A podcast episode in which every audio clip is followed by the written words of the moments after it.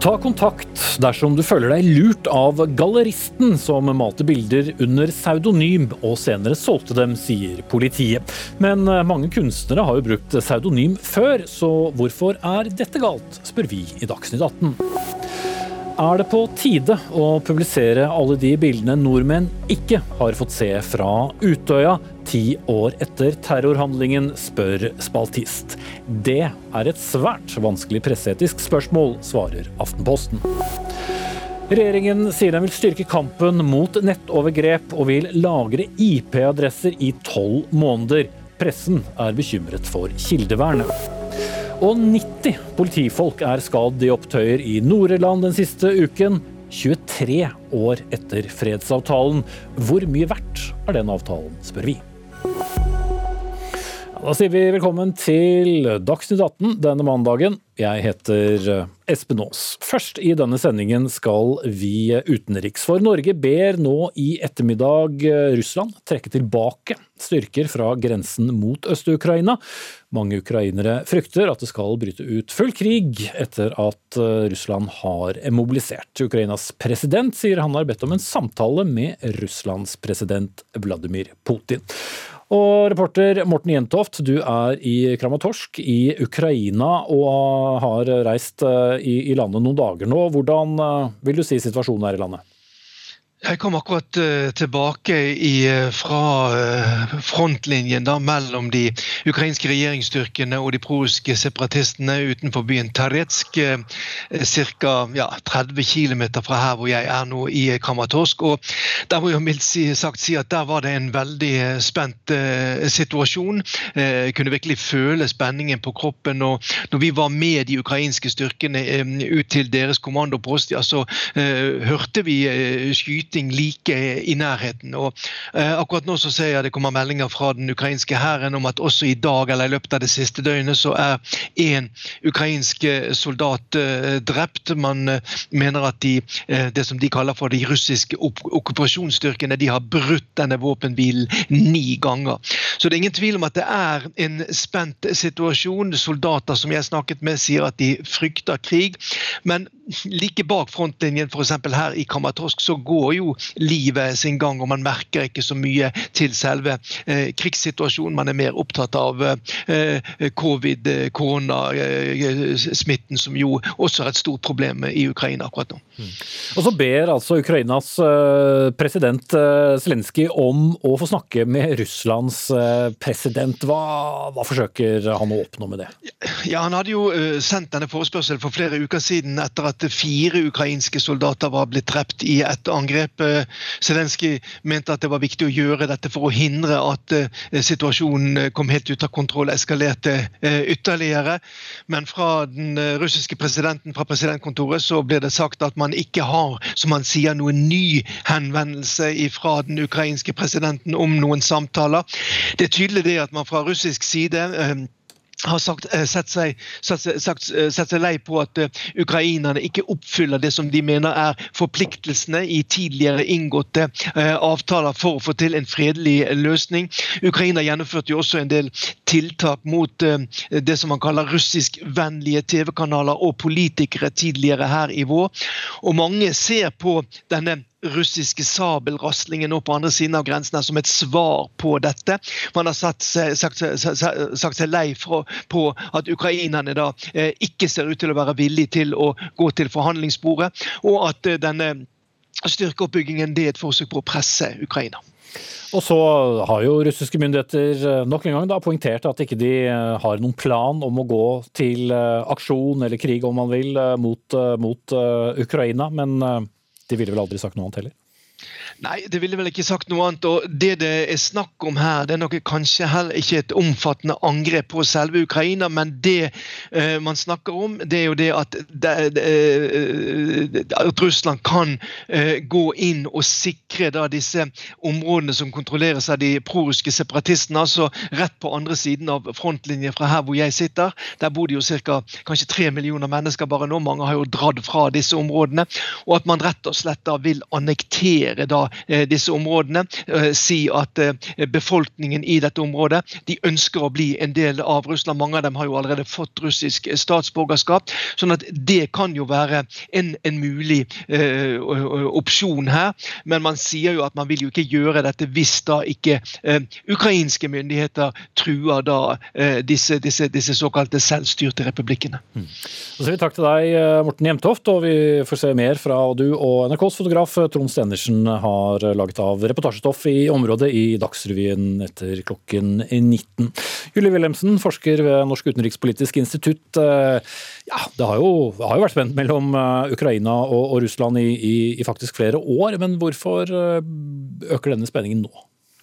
Nei, altså Situasjonen er jo på en måte hva skal jeg si, uh, uforløst i det at det er en, en, pågående konflikt hvor Kiev rett og slett ikke kontrollerer store deler av ukrainsk territorium, som er russisk befolket, og hvor Russland fortsatt holder på sin innflytelse over de prorussiske separatistene, etter mitt skjønn, uh, for å fortsette å forhindre at, Russland, nei, at Ukraina blir en vestvendt stat, og kanskje aller viktigst, at Ukraina eventuelt skulle få et, et et eh, Nato-medlemskap. Og jeg tror at Grunnen til at det eh, blusser opp nå, er, hvis jeg skal liksom eh, sette meg i Kreml og se utover, så er det at man er enda mer eh, opptatt av og nervøs for et eh, Nato slash amerikansk militært nærvær nærmere Russlands grenser. Dette har jo vært en, en tiltagende konflikt, kan du si.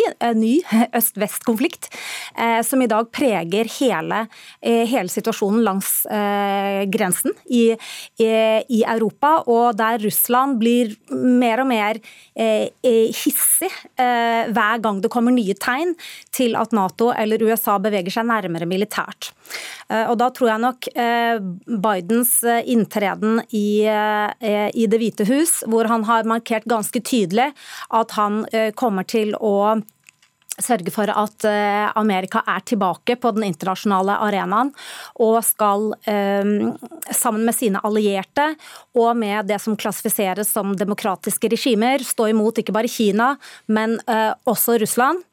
Eh, og at eh, Russland på en måte benytter anledningen til å markere seg og teste når det gjelder Ukraina, som jo ikke er et Nato-medlem nå, men hvor USA på en måte har forpliktet seg til å støtte. Eh, de signaliserer at her skal ingen komme inn og backe opp Kiev for å ta igjen Øst-Ukraina. Mm. Vi står ved grensen. Og, og, Den øvelsen har vi jo for så vidt vært igjennom en gang til allerede, uten at det endret noe. Så hva betyr det egentlig nå at uh, et Nato-land som, uh, som, Norge sender ut en pressemelding og, og sier at uh, ikke vær ved grensen til Øst-Ukraina? Um Nei, det som betyr noe, og så må vi ikke glemme Ukraina i dette. Eh, fordi at Det som betyr noe, er at eh, Zelenskyj, altså den, den, ukrainske presidenten, i utgangspunktet, når han kom til makten, eh, gjerne gikk, gikk inn for en litt mer hva skal jeg si, forsonende linje overfor Russland, og signaliserte at han, han ville få til en, en forhandling om, om Øst-Ukraina. Mens i, i, i, dag så har han for det første vel liten oppslutning i Ukraina, og, og har nok et behov for å fri litt mer til de ukrainske nasjonalistiske kreftene som vil ta tilbake Ukraina. Og det er klart at um, hva skal jeg si, Forbindelsen da mellom han og det at Washington eventuelt skulle være mer villig til å støtte eh, Ukraina eh, på den ene siden, og på den annen side at Russland, eh, hvis vi skal tolke det som har bare skjedd de siste månedene, er ekstremt lite kompromissvillig og veldig villig til å stå på sitt i sitt nærområde og ta i bruk, ta i bruk eh, eh, våpen, rett og slett. Det gjør situasjonen veldig farlig. Eh, og hvis vi bare går, altså Da Ukraina-krigen eh, begynte eh, i 2014, så, så var det skummelt fordi det var en lokalkrig. Men per i dag så er det jo slik, som jeg skisserte innledningsvis, at konflikten er mye mye bredere. Vi merker det jo til og med her oppe i nord, hvor vi har fått eh, B1 amerikanske bombefly på, på, Ørlandet. og det er klart at Da kan en, en, konflikt som da begynner ganske lokalt i Ukraina, spre seg veldig veldig fort eh, til, eh, til, hele Europa. Så Det er det som gjør at folk er eh, nervøse for denne situasjonen. Men da denne balansegangen da, som Ukrainas eh, president har da mot eh, USA og Vesten den ene veien, og en tilnærming til, til Russland på den andre siden, den blir jo ikke noe mindre vanskelig av den grunn? Nei, den er veldig, veldig vanskelig. Jeg tror kanskje det eneste som kan gjøre en litt sånn Virke litt beroligende. Det er at det virker som om både på ukrainsk side og faktisk også på russisk side, så er man egentlig ikke interessert i at denne eh, konflikten eskalerer. Kiev for det de vel eh, neppe er helt overbevist om at eh, USA ville komme dem til unnsetning hvis det skulle smelle. Og Russland rett og slett fordi at Store deler av den russiske befolkning ønsker ikke en ny krig. Eh, og eh, fordi det er enormt kostbart for Russland. Mm. Takk til deg, Julie Wilhelmsen, forsker ved Norsk utenrikspolitisk institutt, NUPI.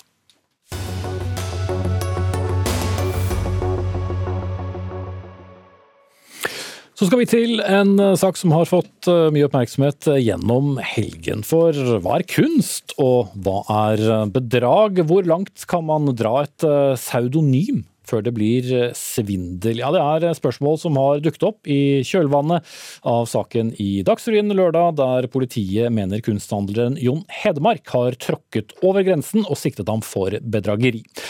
De har eh, beslaglagt over 250 kunstverk fra Hedmarks galleri, signert kunstneren Werner Jensen. Det er bare det at Werner Jensen er Jon Hedmark selv, han har for øvrig nå byttet navn til Jon Erik Werner Jensen Hedmark, for å vise at kunsten hans i høyeste grad altså finnes. Dette er en uh, komplisert uh, affære, men uh, Jon Erik Thomassen, leder i Felles enhet for utlending og forvaltning, forkortet FUF, i Oslo politidistrikt. Hva er mannen egentlig siktet for? Ja, så uh, Denne personen her, han er jo da sikta, og sikta betyr jo det at vi mener det at det er mest sannsynlig at han har uh, gjort seg skyldig i et grovt bedrageri. Uh, og bedrageri det betyr jo egentlig at det ligger i denne kategorien formuesforbrytelser. og det går ut på at vi mener han da har skaffa seg sjøl eller andre en, en uberettig vinning, altså penger, da.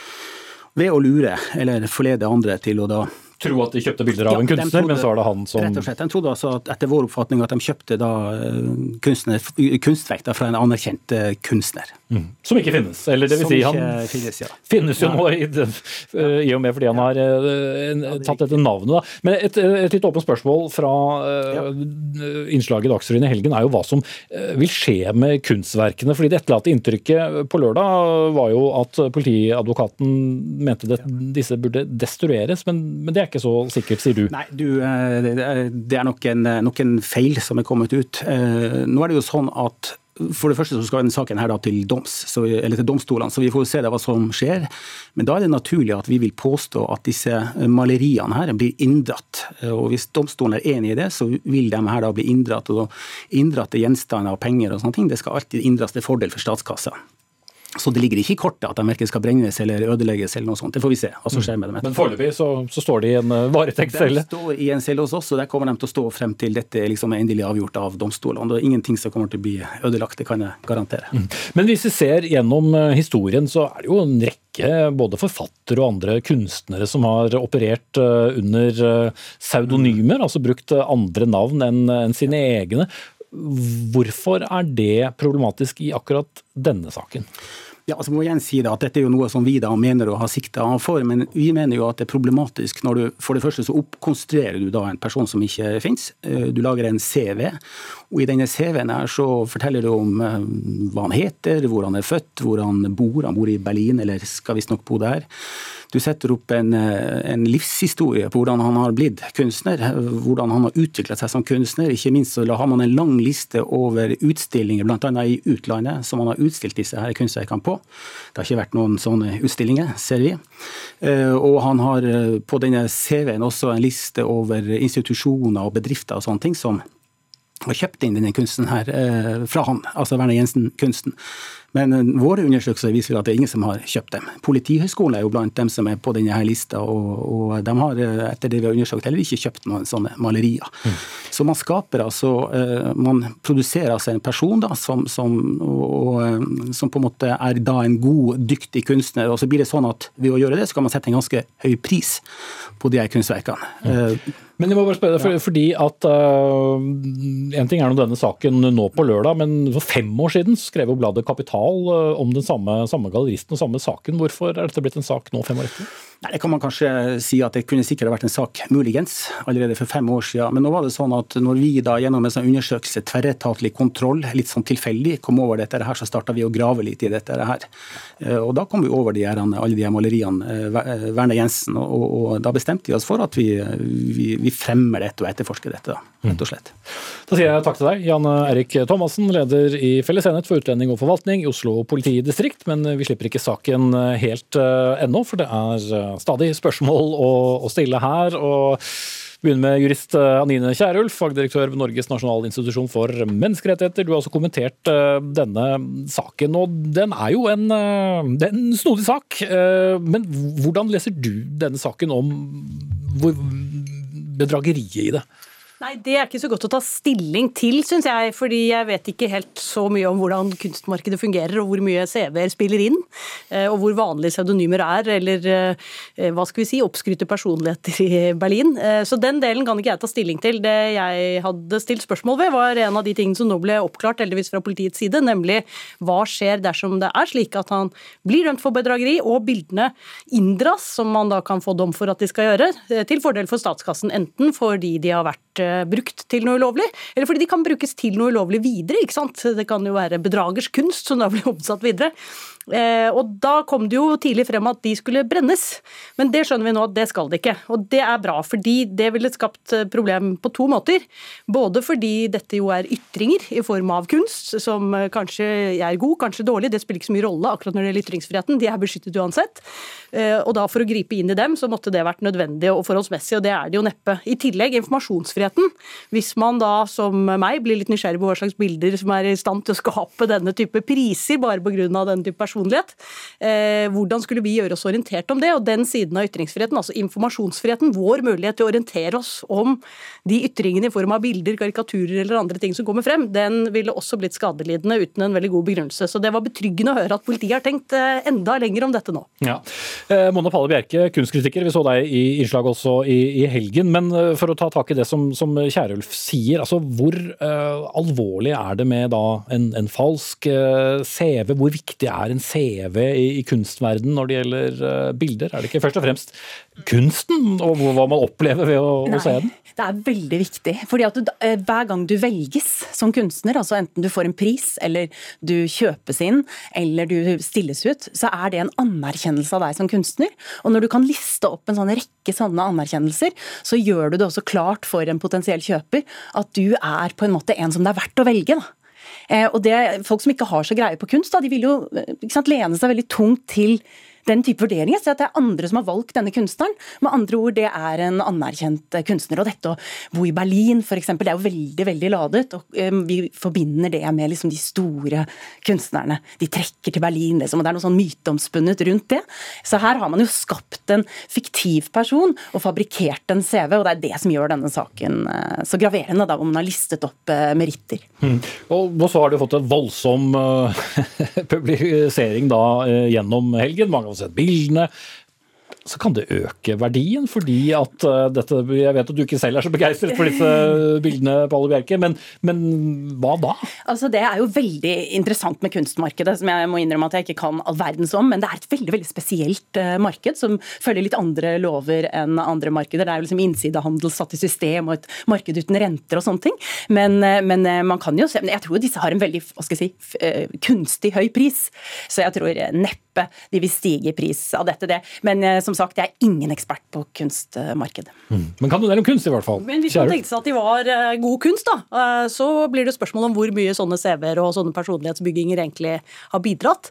Og hvis det blir sånn at prisen stiger som følge av eh, dette store oppslaget og politiets ivrighet i forhold til saken, så blir det jo spørsmål om et medvirkningsansvar kanskje for politiet. Det er jo mange mulige Altså, Jeg har lurt litt på når jeg har kommentert denne saken, om jeg egentlig er med i et slags sånn kunst, sånn konseptkunst som pågår pågående kunstverk av en eller annen type som egentlig involverer oss alle her ja. nå. Og, og, det er det mange som har spurt om også. Kan dette være et kunststunt? En måte å kritisere kunstlivet og vise litt det der keiserens nye klær-elementet, som mange selvfølgelig syns at eh, samtidskunsten har.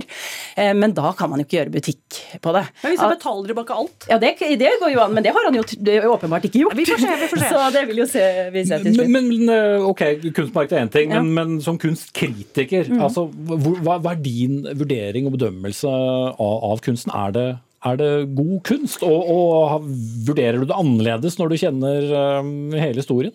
Jeg tror ikke jeg hadde interessert meg for disse bildene, selv om ikke jeg visste at dette var eh, bedrageri. Altså, jeg, dette er veldig svake bilder. De er verken hva skal jeg si, formsterke, de har ikke liksom en komposisjon, en eh, spenning, en koloristisk uh, spenning. Altså, de har liksom ikke den, den nærværet og den tilstedeværelsen som et godt abstrakt maleri har. Det er jo litt vanskelig å bedømme hva som gjør et abstrakt maleri godt.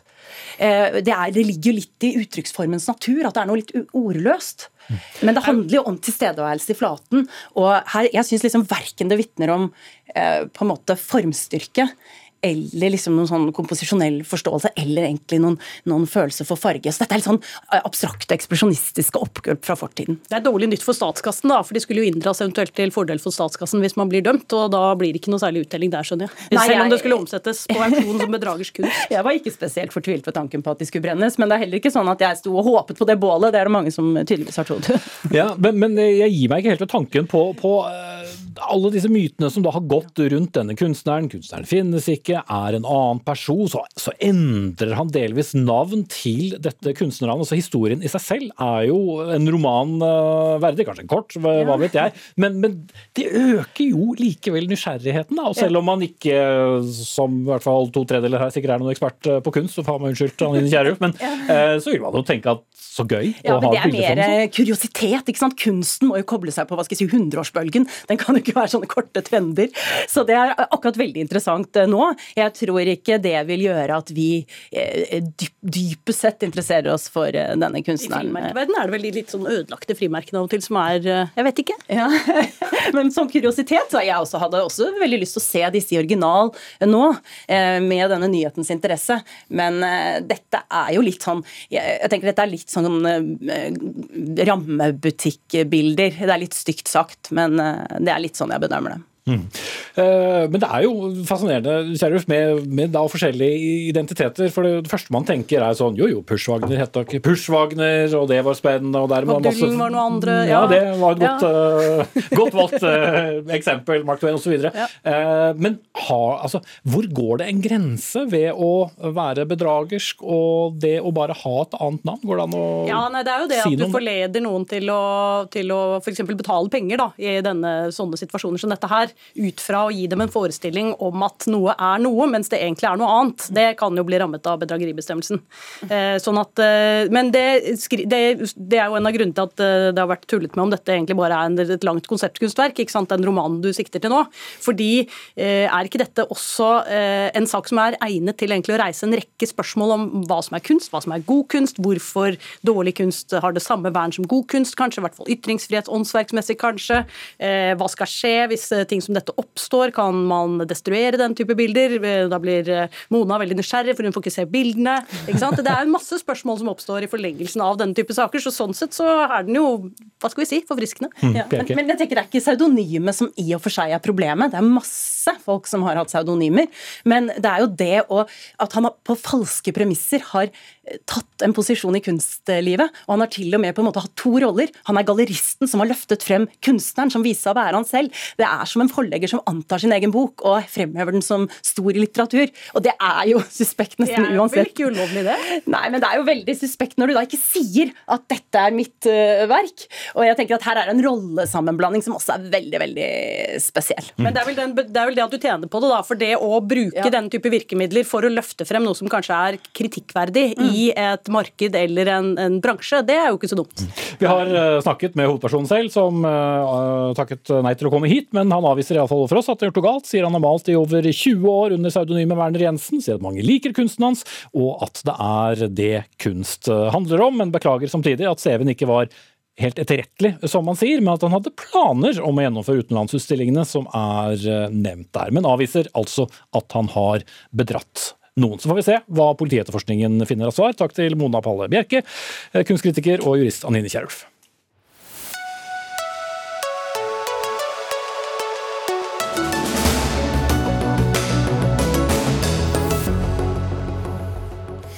Klokken den er 18.25. Mot slutten av denne sendingen så skal vi eh, snakke om at i disse dager er 23 eh, dager siden fredsavtalen for Nord-Irland kom på plass, men at den siste uken har vært svært voldelige tilstander mellom unionister og nasjonalister i hovedstaden Belfast, blant annet. Og vi skal forsøke å finne noen svar på hvorfor volden har blusset opp mot slutten av sendingen. Men nå det som vel må kalles en litt vanskelig samtale. For det ble tatt mange bilder på Utøya etter terrorhandlingen for eh, snart ti år siden. Bilder som eh, ikke er vist i norske medier for det norske publikum. Bilder av ofre som ble publisert i utenlandske medier, også i våre naboland, men som norske redaktører har valgt å ikke trykket. Og Daniel Johansen, du er skribent i Adresseavisen, og i et eh, innlegg på debattstedet Midtnorsk debatt så stiller du spørsmålet burde vi ikke nå se disse bildene? Hvorfor stiller du det spørsmålet? Ja, altså Det er ti år siden 22. juli. Ehm, I forrige uke så gikk AUF ut med et allment opprop om at eh, bekymringsangsten, denne kollektive bekymringsangsten for 22. juli, den må opphøre. Ehm, vi må nærme oss hva som hendte, vi må ta problemstillingene mer på alvor. Ehm, jeg tror at for få har i tilstrekkelig grad erkjent hvor livsfarlig den høyreekstreme bevegelsen er. Det her til tross for Utøya. Og jeg tror at mange trenger å komme nærmere alvoret eh, som ramma oss for ti år siden, for å, for å erkjenne dette her eh, fullt ut. Og det her må jo skje på, på flere plan i løpet av det her tiårsmarkeringa. Eh, på den ene sida så, så, trenger vi, og den, den, er jo i gang, en, en, en debatt på både høyre- og venstresida for å identifisere og konfrontere både tankene, ideene og aktørene som mana frem eh, det her helvete på jord for, for ti år siden nå. Men så er det en bro derfra også til til det som faktisk skjedde, kanskje særlig på Utøya. Da. Mm. Men vi har jo eh. tallene på ofre. Eh, de aller fleste i Norge skal ikke mange bekjentskapsledd unna før de kjenner noen som var eh, berørt. Hva vil være annerledes om vi ser brutale bilder som vi ikke har sett før? Jeg vil jo tro at de pårørende og, og um, de overlevende virker ikke trenger det her. Det er jo det som gjør debatten så vanskelig. Uh, Utfordringa er at jeg tror at vi andre trenger nå ti år etterpå en påminnelse av uh, hvor alvorlig det her var. da. Mm. Uh, og det her ble jo også nevnt av flere både i 2012 og i 2015 fra media. Terje Bringedal, som var leder i Pressefotografenes klubb, sa i 2012 at det vil komme en tid hvor det blir riktig å, å vise de her bildene, men vi er ikke der enda. Svein Egil Omdal sa det samme det, det, samme året, at en gang så vil vi vise de her bildene i media og tenke at da trenger vi dem, men vi er ikke der ennå. Eh, og Håkon Borud, som var nyhetsredaktør i Aftenposten i 2015, han sa da at eh, det vil komme en tid, men vi er fortsatt ikke der ennå. Hmm. Jeg bare stopper deg der. Spørsmål, er vi der nå? Ja, jeg, jeg stopper deg der. Eh, Tone Tøye Strøm Gundersen, du overtok jobben etter nevnte Håkon Borud som nyhetsredaktør i Aftenposten. 2015, det er seks år siden. det. Hva tenker du? Burde vi vise bildene vi ikke har vist? Jeg tenker at det er flere hensyn som står opp mot hverandre i, i den, akkurat den diskusjonen og saken her. Bildene i seg selv jo, kan jo argumenteres for at har dokumentasjonsverdi. Eh, de dokumenterer eh, en grusom terrorhendelse, den største terrorhendelsen i Norge. Eh, sånn at i utgangspunktet så er det jo mulig å argumentere for at bildene i seg selv har en dokumentasjonsverdi. Men opp mot det så står jo hensynet til de pårørende, og det står veldig sterkt i norsk tradisjon og i norsk presse. Og i dette tilfellet så tenker jeg nok at hensynet til de pårørende er et utrolig tungtveiende argument for oss, selv om vi ikke, for så vidt ikke har tatt noen beslutning ennå akkurat om, om, dette spørsmålet, så ville jeg sagt at for norsk presse så er det en tradisjon å ta hensyn til og legge vekt på de pårørende i stor grad. Mm. Samtidig så har vi heldigvis bare ett 22. juli. Det er ti år siden. Kan man snu det og stille spørsmålet om vi tar for mye hensyn? Ja, Det er jo alltid mulig å diskutere om presseetikken, hva presseetikken er til for. Er Det presseetiske regelverket er jo først og fremst til for å, for å beskytte og ta hensyn. Og så går det jo selvfølgelig an, som du sier, å snu det og si at, å spørre om presseetikken i for stor grad skåner eh, publikum, lesere, for å se noen bilder som har dokumentasjonsverdi, sånn som vi snakket om innledningsvis. På en annen side så tenker jeg nok at eh, historien om 22.07 er relativt grundig og godt dokumentert. Både i rettssaken eh, og i form av intervjuer, fortellinger, historier, bilder. Vi har vist frem bilder av skader, vi har vist frem bilder av ungdommer som ble skadet, av skadene de har fått. Sånn at selve det som skjedde, er jo ganske godt dokumentert i utgangspunktet, vil jeg si. Johansen? Nei, altså Min bekymring er det at krigsretorikken og voldshissinga fra ytre høyre, eh, som man kan si at eh, hendelsene 22.07 eh, var et slags svar på, det har jo bare eskalert i det norske samfunnet også etter 22.07. Og Derfor så tror jeg det er veldig viktig at vi leter med lys og lykt etter hva er det vi enda ikke har gjort, som vi tror at vil ha en hensikt. Og, og, og, Der er jeg jo enig med Gundersen. altså Hensynet til pårørende, hensynet til overlevende, nødt til å veie så tungt at vi virkelig må tro at det her vil ha en effekt, en, en ønska effekt hvis vi skal gjøre det, og, og dem må også være med på diskusjonen. Mm. Men jeg mener vi må ta den debatten nå i forbindelse med at det, det er ti år siden. Men er ti år lenge nok, er vel et eh, spørsmål, Strøm Gundersen? Ja, og Hvis du tar utgangspunkt i hensynet til de pårørende, så vil jeg vel si at etter ti år så er fortsatt hensynet til de pårørende like tungtveiende. For pårørende som har mistet en, et barn, eller mistet en nær slektning, eller mistet en nær venn, så, så, er det ikke noen grunn til å anta at ikke eh, det vil virke like sterkt på dem hvis vi hadde vist den type bilder som det det virket for ti år siden. Og så har jeg lyst til å minne om at det var to aviser som ble felt for den type bildebruk. Ikke akkurat de bildene vi snakker om her. Men fra regjeringskvartalet? Ja, Uh, for Hvor å vise bildene. En, en, en død person. Mm. Mm. 23. juli var vel det at de viste de bildene, og ble jo da felt av Pressens faglige utvalg, som er pressens eget regelverk. Og da var det jo særlig vekt uh, på hensynet til de pårørende som var viktig. Og så, og så vil man jo allikevel også kunne si at men, men, det er viktig for pressen å kunne vise bilder, selv om de eventuelt virker støtende på de som skal se dem. De, de, den argumentasjonen gjelder jo, men så kommer hensynet til de pårørende som veldig sterkt her. Og det er veldig mange pårørende eh, etter Utøya. Og Daniel Johansen, Det er jo uhyre sjelden at vi i medier faktisk viser frem eh, bilder, i hvert fall av norske ofre. 22.07 eh, er selvfølgelig enestående i, i, i, norsk historie, men det har jo eh, skjedd andre ulykker også hvor det har vært omkomne, og det er jo uhyre sjelden medier velger å vise frem ofrene. Men dette var ingen ulykke. Altså, vi, vi, kan ikke lære noen ting f.eks. av at vi viser bilder av, av omkomne ved, fra leirskredet i Gjerdrum. For det var ingen skyld at det skjedde. Men, men det her hadde et forløp, og det var noen som gjennom en aktiv handling forårsaka alt det her. Og den bevegelsen som vedkommende tilhørte, er i vekst. Og derfor så mener jeg at man i alle fall skal ta debatten om man skal gjøre et unntak for det her, siden det er ti år siden nå. Mm. Svenskene viste bildene, danskene viste bildene, og mente også mye om norske medier som mm. ikke har, har eh, vist dem. Ville en mellomløsning, eller måtte vel være en slags mellomløsning også, å sladde bildene? For noen av oss har jo sett en del av mm. disse bildene, og mm. de ville jo aldri blitt vist som de er. Nei, og, og det er jo alltid en diskusjon vi har hatt også i andre saker, hvis du viser den type bilder fra andre land. Skal vi sladde bildene sånn at de virker mindre støtende? I dette tilfellet så er jeg, er jeg litt usikker på verdien av det det høres veldig kynisk og brutalt ut å diskutere det på den måten, men poenget er at hvis, hvis du sier at grunnen til at vi viser bildene er at vi mener at de har så stor dokumentasjonsverdi, og det er hovedargumentet for å vise bilder, så øh, fjerner du jo på en måte noe av den dokumentasjonsverdien ved å sladde så mye at du allikevel bare ser deler av bildet. Så det er jeg litt usikker på om det er en veldig god fremgangsmåte akkurat når det gjelder disse bildene.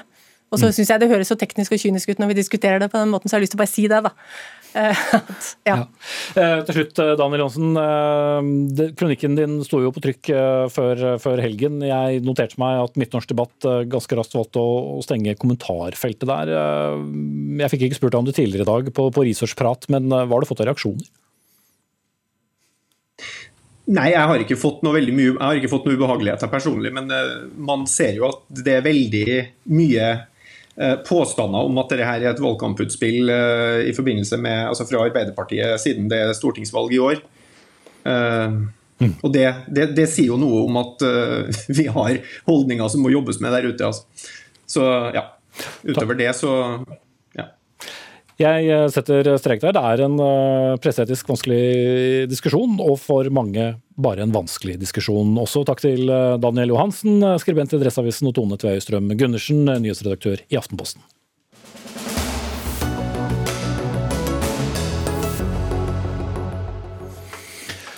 For å bekjempe overgrep mot eh, barn og annen alvorlig kriminalitet eh, har regjeringen foreslått å innføre en lagringsplikt for IP-adresser, altså grovt fortalt eh, adressen til de nettstedene som besøkes, i tolv måneder. Dette er ifølge regjeringen det største og viktigste grepet mot nettovergrep mot barn siden politireformens start. Barne- og familieminister Kjengolf Ropstad fra KrF, hvilke motforestillinger hadde du måttet fremme dette forslaget? For du skal jo lagre historikken eh, til folk i et år?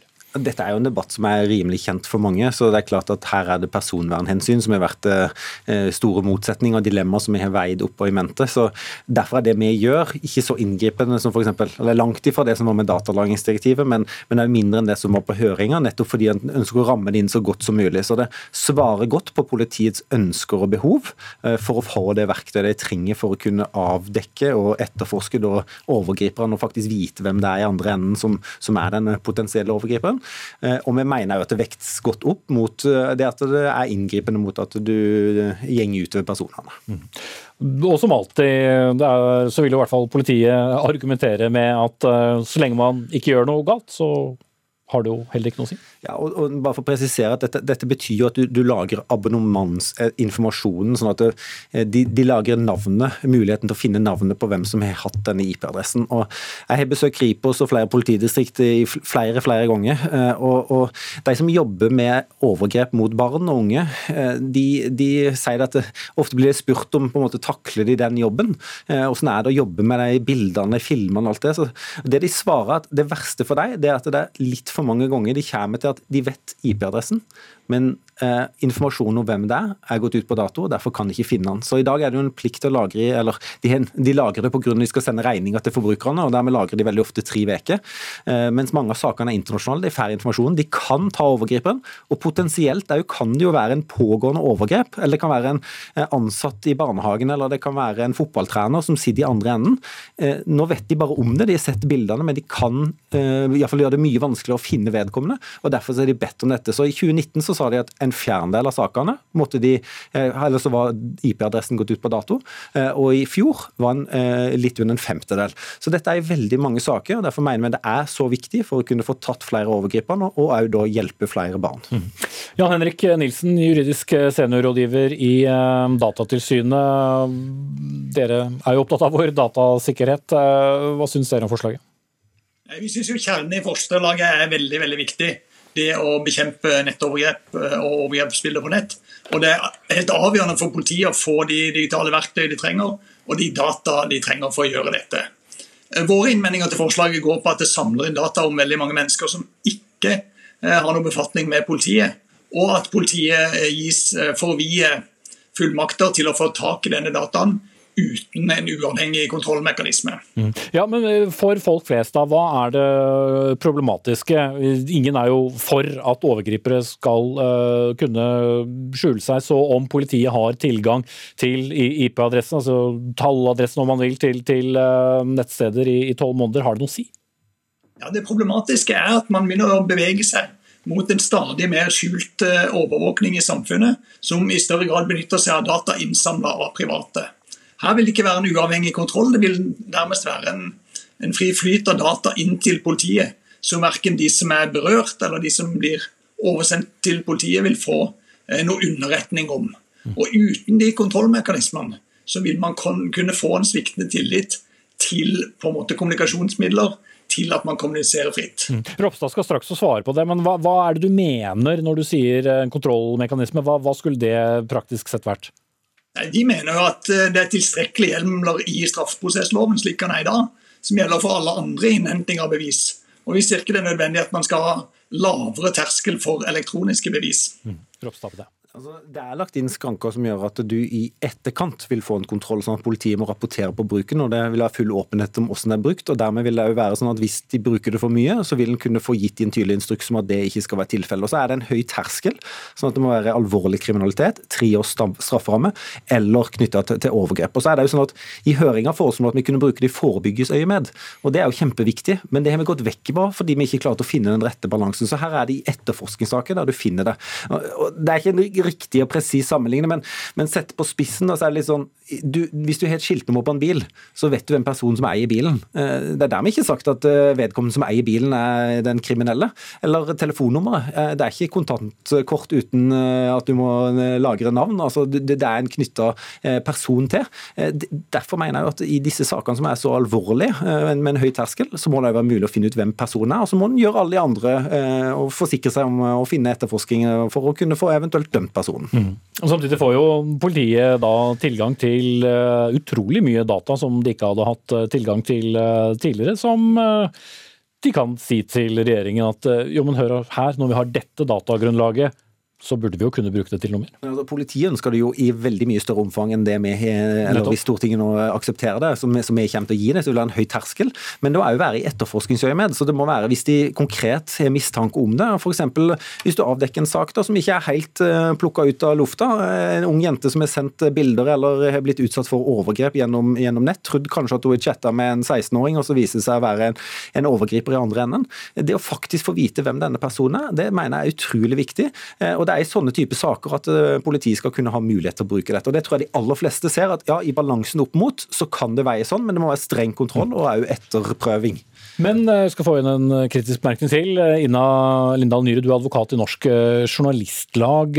og Dette kan gå på bekostning av anonyme kilders mulighet til å kommunisere fritt, frykter dere? Ja, det mener vi fordi at her skal man lagre brukermønstre til alminnelige kunder, og så er det politiet selv som skal avgjøre om vilkårene for utlevering er oppfylt.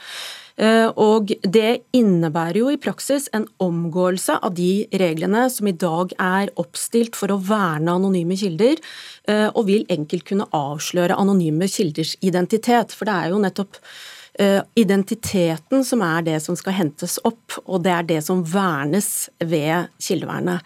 Eh, så står det jo også i, i regjeringens proposisjon at dette kan skje, men de mener at det er lite praktisk.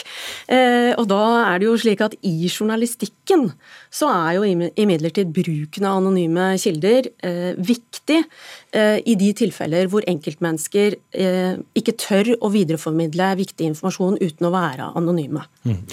Men både både når det gjelder å, være en anonym kilde, og for så vidt de som begår overgrep på nett, så er det jo en rekke krypterte muligheter. og Ta den begge veier. Er ikke det også poeng? Altså, hvis du ønsker å komme i kontakt med, med, med journalister, finnes det jo muligheter til å gå jo, men det, det, Dette her er jo lagd opp til at politiet skal kunne gå en, en, enkel bakvei. Altså Det er en omgåelse av de alminnelige etterforskningsmetodene som politiet har.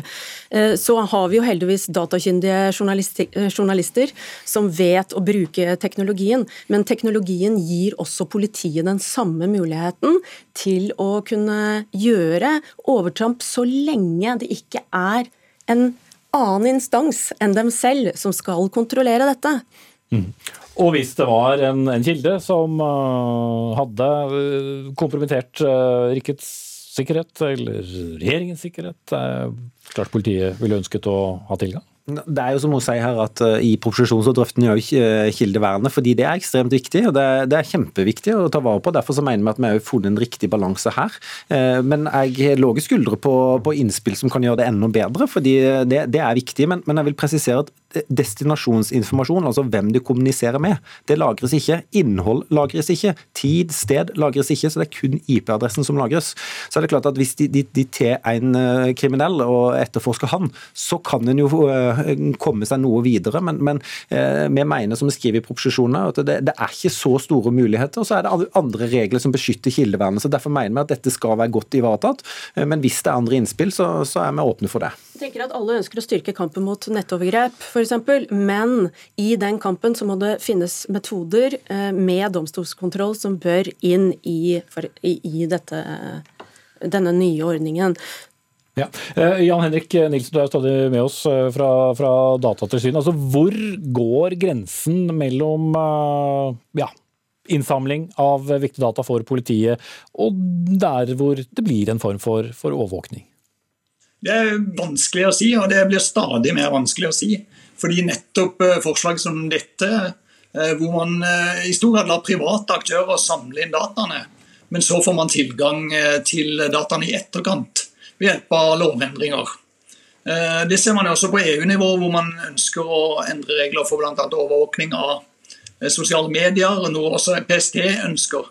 Slik at det er en tendens vi ser at utglidninger mellom offentlige myndigheter og private aktørers overvåkning er veldig, veldig vanskelig å se. Og det kan innebære en nedkjølingseffekt for samfunnet ved at man mister tilliten og tryggheten man har til å kommunisere fritt. Som du nevnte.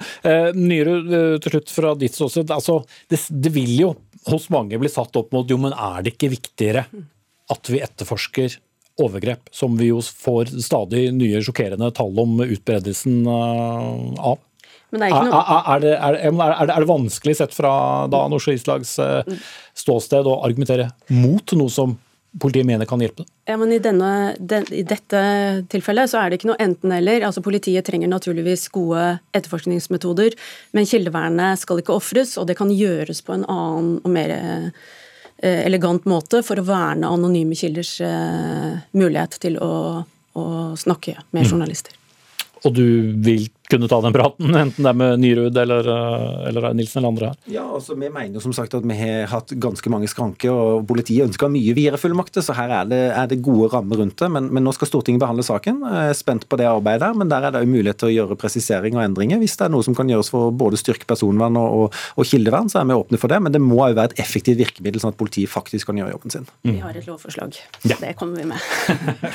ok, da skal vi følge det. Takk til uh, Kjell Ingolf Ropstad, barne- og familieminister fra Kristelig Folkeparti, Ina Lindahl Nyru, advokat for Norsk Journalistlag, og Jan Henrik Nilsen, juridisk seniorrådgiver i Datatilsynet.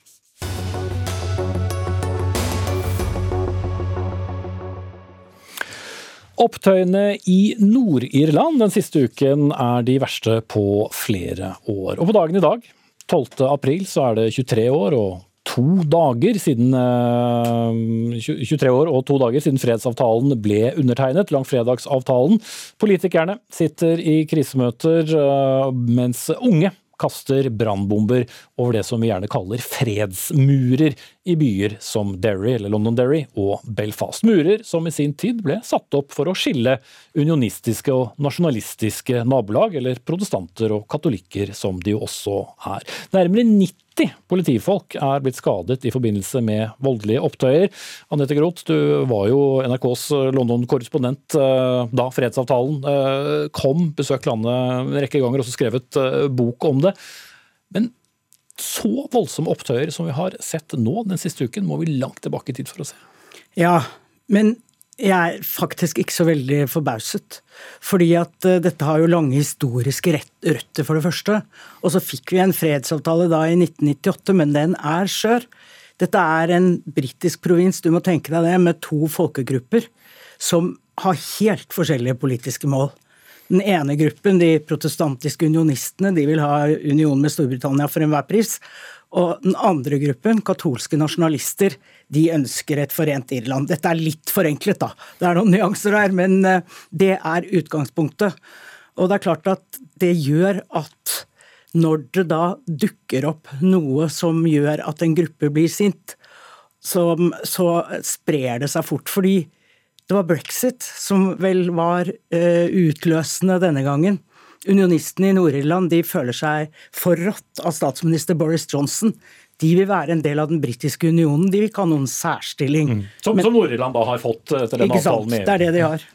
Uh, Erik Mustad, førstelektor ved Universitetet i, uh, i, Agder. Det er jo samtidig et paradoks at uh, flesteparten av de som protesterer her, er jo også ungdommer som, som ikke engang var født da fredsavtalen ble undertegnet i 1998. Så det er jo veldig unge, men akk så sinte mennesker. Ja, dessverre så er det en ung generasjon som er blitt eh, internalisert inn i disse miljøene og i disse identitetsgruppene, som nå eh, går foran og kaster stein og setter fyr på biler og eh, hiver bensinbomber. Dette viser jo hvor sterke disse identitetene er, og hvor sinte disse protestantiske lojalistene Eh, har vært lenge. De følte de tapte fredsprosessen som begynte på tidlig 90-tall, og som kulminerte egentlig i langfredagsavtalen og i St. Andrews-avtalen fra 2006. Så brexit og, og, denne mye omtalte republikanske begravelsen som ikke politiet slo ned på, ja, det har egentlig eh, vært hendelser som er ledd i en lang eh, rekke av marginaliserende hendelser for de lojalistiske protestantene i veldig mange av disse arbeiderklassemiljøene som vi har sett være veldig sinte og frustrerte de siste dagene. Mm. Eh, og så tilbake til denne fredsavtalen. Eh, litt av problemet med den er vel også at den eh, er jo ikke helt ferdig. For det er en rekke temaer som man ikke ble enige om hvordan man skal løse. Og jeg er sikker på hvis du snakker med noen av dine venner som, som tilhører den katolske eller irske, eller hva man vil kalle den siden, bare det ikke å få bruke det flagget man vil, er jo et irritasjonsmoment. Så det oppgjøret, selv 23 år etter, er jo heller ikke ferdig. En del av disse sakene, f.eks. dette med flagg som du nevner, og språk, ikke sant, irske språk, at det skal bli mer utbredt i, i Nord-Irland, det kan se ut som ganske små saker for oss, men det er viktig for dem det gjelder. Og så er det viktig også å huske på at deler av dette samfunnet denne ganske lille provinsen, men deler av dette samfunnet er helt delt. Så arbeiderklassestrøk i Belfast og i Derry f.eks. Der bor jo folk helt atskilt av disse som du eh, ganske riktig på en måte kalte fredsmurer, som jeg pleier å si med et understatement. Fordi at det er ikke så mye fred i dem. Mm. Men ja, bare der, Derry har man jo til og med to forskjellige navn på, ut fra hvorvidt eh, du tilhører den ene eller andre siden. Ja, hvis noen sier London Derry til meg, så vet jeg at det er protestanter. Men, eh, nei, men altså, de lever delt, og det betyr disse murene er jo høye. Noen er murer, noen er gjerder, noen er sånne bølgeblikkgjerder, men de er høye. De er tre-fire meter høye, og de er der altså for å skille folk. Og det er ganske symptomatisk at det var vel en 50-60 stykker av dem da freden kom i 1998. I dag er det iallfall 100. Sånn at det er blitt flere av dem. Og øh, myndighetene i Belfast f.eks. har sagt at innen 2023 skal disse her være borte. Men folk vil ikke, vet du. Og de, det betyr at de går på forskjellige skoler, de har ofte forskjellige arbeidsplasser. De snakker aldri med hverandre. Og det er klart at du bygger ikke tillit på den måten der.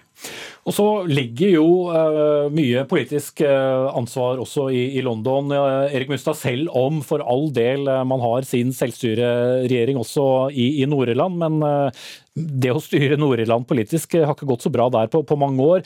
Hvor stort ansvar bærer Boris Johnson? Både var det han som var ansvaret for brexit-avtalen, som er en del av problemet, som Mette Groth sier her, men den politiske situasjonen i Nord-Irland, nærmest uavhengig av, av brexit, er jo også vanskelig.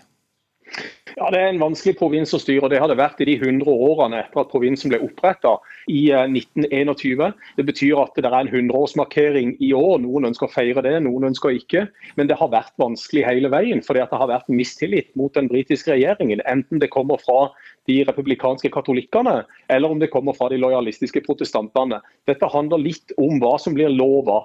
Fordi at eh, veldig mange av disse gruppene føler seg sveket. De føler at de blir ført bak lyset.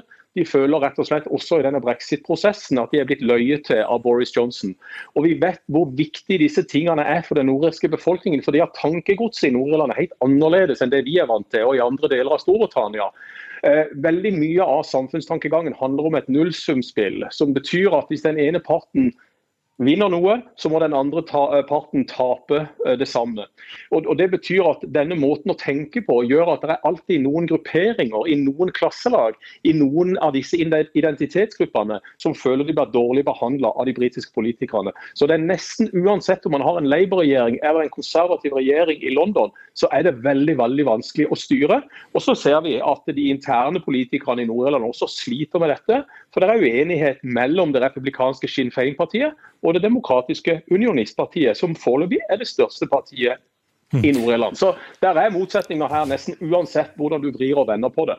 Og, men så er det jo enda et moment som spiller inn her, og det handler jo om egentlig hva du har på bordet eller ikke. Fordi fattigdom eh, skaper også frustrasjon. Arbeidsledighet skaper også eh, frustrasjon. Og, og, selv om økonomien i Nord-Irland nå er ganske annerledes enn, eh, enn da du dekket det på, på 90-tallet, så er det jo ikke ungdommer som er fornøyd med tilværelsen, som nå trekker i gatene på, på noen av sidene. Nei, det er jo særlig i disse arbeiderstrøkene vi har snakket om, så er det jo Folk har dårlig råd, rett og slett. Og der er det jo også rester etter um, uh, geværmenn på begge sider. Altså folk som Blant annet på protestantisk side så har det jo vært avslørt svære narkotikaoperasjoner, og det har vært en del kriminalitet i kjølvannet av det. Og det er klart at når folk føler at de ikke har eh, penger til mat på bordet, som du sier, og, og har veldig lite Det er høy arbeidsløshet.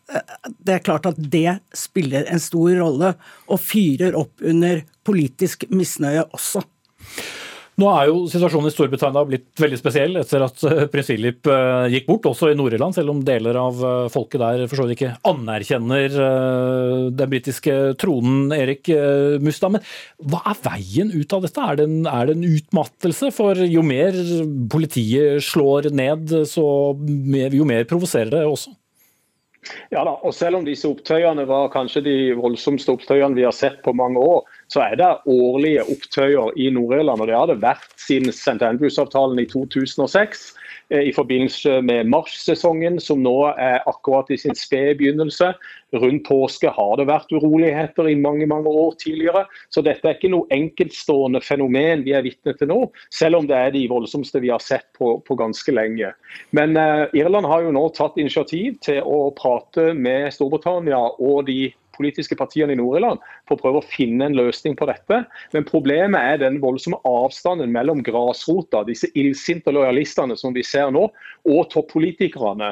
Fordi at eh, de er ikke på samme eh, frekvens, disse toppolitikerne. De er ute av takt med grasrota.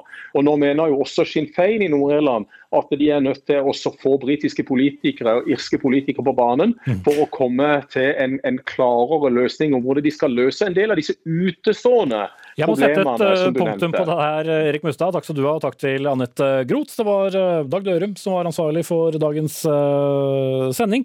Jeg heter Espen Aas, Hilde Tosterud tok seg av det tekniske. Vi er tilbake igjen i morgen.